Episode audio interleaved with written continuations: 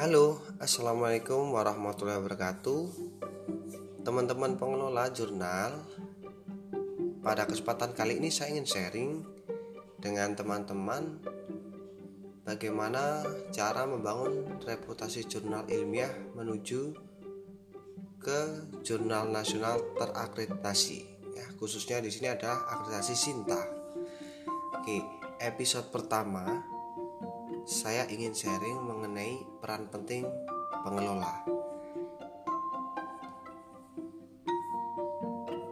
Tara, oke, makna pengelola. Jadi sebelum kita jauh melangkah ke materi selanjutnya, saya ingin mengajak teman-teman ini memaknai apa itu pengelola.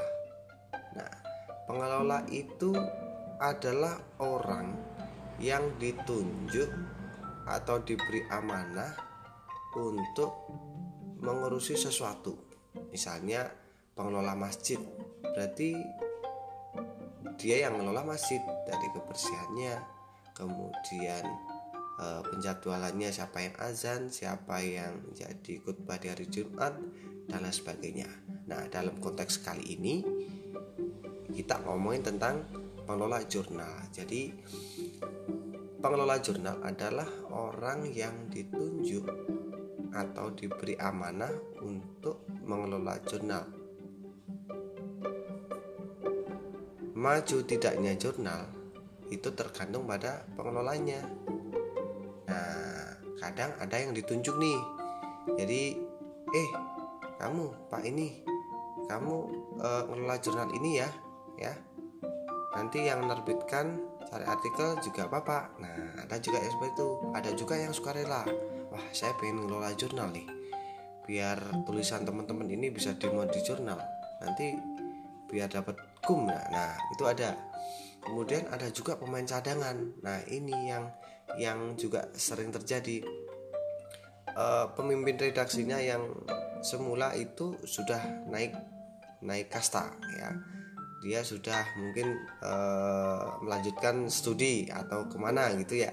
Jadi memang harus diganti dan uh, mau tidak mau pemain cadangan itu melanjutkan. Nah yang jadi permasalahan orang yang ditunjuk yang sukarela maupun pemain cadangan itu belum tentu semuanya paham ya. Belum tentu semuanya paham. Seperti saya ini saya dulu juga belum paham jurnal itu apa kemudian bagaimana prosesnya sampai harus melibatkan reviewer. Nah saya nggak tahu. Nah dan pengelola jurnal ini karakteristiknya adalah single factor. Jadi hanya satu orang yang berjuang mengelola jurnal itu ya untuk kemajuan jurnal itu ya satu orang itu aja. Nah itu yang jadi permasalahan klasik di perjurnalan Indonesia. Nah pengelola jurnal itu seperti orang gila jadi original. Orang gila jurnal. Nah kenapa orang gila? Karena yang uh, mensubmit artikel itu ya pengelolanya. Kemudian yang nunjuk reviewer itu juga pengelolanya. Kemudian yang uh, menjadi copy editor itu juga pengelolanya yang menjadi translator juga pengelolanya jadi semuanya itu ya pengelolanya itu jadi satu orang itu tadi. Padahal di dalam pengelolaan itu ada satu tugas atau satu kepengurusan. Di bawah pimpinan redaksi ada eh, editor pelaksana. Nah editor pelaksananya ini masing-masing juga punya tugas. Tapi faktanya hanya dilakukan oleh satu orang saja. Nah, ini yang harus kita benahi. Kita harus membangun uh, relasi komunikasi ya dengan teman-teman pengelola kita supaya mau bekerja sama aktif dalam mengelola jurnal. Nah, kenapa hanya sedikit orang yang mau mengelola jurnal? Iya, betul jawabannya mengelola jurnal itu tidak menambah gaji. Ya banyak yang berpikiran seperti itu. Padahal eh, pemikiran-pemikiran seperti itu menurut saya sih uh, pemikiran yang kurang kurang apa ya? Uh, sebagai seorang dosen harusnya menambah gaji itu bukan dengan cara seperti itu tapi dengan menghasilkan karya-karya yang um, apa namanya inovatif kreatif ya melalui sebuah penelitian riset yang didanai oleh uh, dikti dan lain sebagainya. Nah itu kan menurut saya yang paling uh, wah gitu kan ya. Nah jika sudah jadi pengelola nah ini ya jika jadi jika sudah jadi pengelola teman-teman jangan lupa tuh tulisannya sendiri juga diperhatikan ya. Jangan tulisannya orang-orang yang diperhatikan jangan jadi seperti lilin. Lilin itu kalau menerangi juga membakar dirinya sendiri. Nah jangan sampai teman-teman ini mengelola jurnal memperhatikan tulisan orang lain supaya diterbitkan di jurnal yang dikelola tapi lupa dengan tulisannya sendiri. Padahal kan itu juga penting. Oke selanjutnya adalah install passion bagi para pengelola. Nah ini yang paling penting. Karena dalam proses pengelolaan jurnal itu pasti ada uh, pasang surut. Ya kalau misalnya uh, apa ya pengelolanya sakit jurnalnya pasti juga tidak terurus kemudian pada saat pengelolanya itu juga liburan jurnalnya pasti liburan. Pada saat pengelolanya itu sedang hmm, apa ya? Uh, bepergian ya jurnalnya tidak terurus. Jadi passion itu sangat penting. Tidak hanya bagi para pengelola jurnal bagi semua orang. Karena passion itu adalah sesuatu yang tidak pernah kita bosan untuk melakukannya. Selalu saja.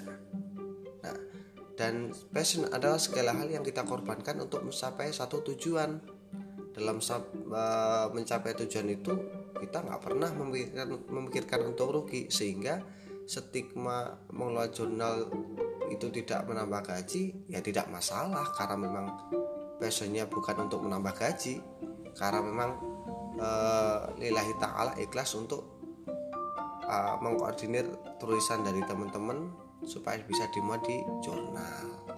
Itu kemudian kalau sudah passionnya terbangun uh, pasti setiap malam gitu ya pasti akan mm, memperbaiki jurnalnya dari tampilannya kemudian mencari reviewer membuatkan SK dan sertifikat untuk editor dan reviewer kemudian mendaftarkan jurnalnya ke lembaga pengindeks tuh. Nah ada yang ke DOAJ kemudian ada yang ke Garuda Indonesia One Search kemudian ada ke indeks Copernicus ada juga yang ke tuh yang ISC itu lumayan kan kemudian eh, yang paling sering ketika eh, jurnal itu baru terbit baru berdiri gitu ya yang paling sulit adalah mencari naskah.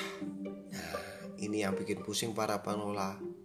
Sehingga para pengelola itu berusaha mencari artikel. Eh, kamu punya nggak artikel? Ayo terbitkan di jurnalku. Ini terbit bulan ini, bulan ini ya gratis. Nah, itu atau enggak mungkin MOU ya kerjasama dengan asosiasi profesi ya itu juga dapat Eh, menjadi solusi alternatif jika teman-teman itu punya kendala soal artikel. Nah, kalau sudah seperti itu, ya harus dikenali tupoksinya, ya, tupoksi. Jadi tugas pokok masing-masing seksi editor in chief apa, section editor itu tugasnya apa, copy editor tugasnya apa, layout editor, provider, indexer, translator. Jadi kalau misalnya teman-teman ini masuk di uh, apa namanya role di OJS itu ada role itu ada banyak sekali. Kalau semua tugas itu dilaksanakan oleh masing-masing orang, saya rasa hambatan-hambatan dalam mengelola jurnal itu akan semakin sedikit ya meskipun tidak disupport oleh lembaga dalam artian mungkin dari ruangnya kemudian dari infrastrukturnya yang berupa laptop, printer, kemudian internet dan sebagainya ya atau mungkin uh, fresh money untuk mencetak buku ya meskipun sekarang dalam proses akreditasi itu nggak perlu uh, jurnal cetak yang perlu adalah jurnal online nah yang terakhir ini adalah mengerti OJS editorial dan publishing proses. Oke, ini yang merupakan aspek penilaian pada saat akreditasi. Jadi satu, alur penerbitan naskah harus paham. Ketika naskah masuk ya di stage submit, nah, apa yang harus dilakukan oleh seorang editor ya kemudian di stage review berapa orang yang ditunjuk untuk mereview satu naskah? Kemudian di proses copy editing menugaskan copy editor dan translator production menugaskan layout editor dan proofreader ya. Kemudian penjaringan naskah kualitas naskah itu juga harus paham. Apakah naskah ini layak untuk terbit di jurnal yang teman-teman kelola atau enggak? Karena banyak tuh ya riset-riset yang merupakan hasil penelitian ulang yang hanya dibedakan adalah sampelnya. Nah itu yang menurut saya sih kurang berkontribusi. Jadi di pendahuluan itu harusnya ada e, narasi apa temuan dari penelitian ini dan kontribusinya apa. Nah sehingga nanti berdampak pada uh, perkembangan ilmu dan pengetahuan itu jadi episode pertama ini memang membahas peran penting ya peran pentingnya seorang pelola jadi keluh kesahnya lah ya. Sama saya juga berkeluh kesah jadi saya pengen cerita ke teman-teman. Jadi hal-hal yang saya sampaikan tadi ya harus di, di dipenuhi ya. Oke menurut saya itu ya di episode pertama saya pengen sharing beberapa hal lain yang nanti di episode kedua. Jadi jangan lupa tonton terus podcast dari saya. Semoga bermanfaat. Akhir kata wassalamualaikum warahmatullahi wabarakatuh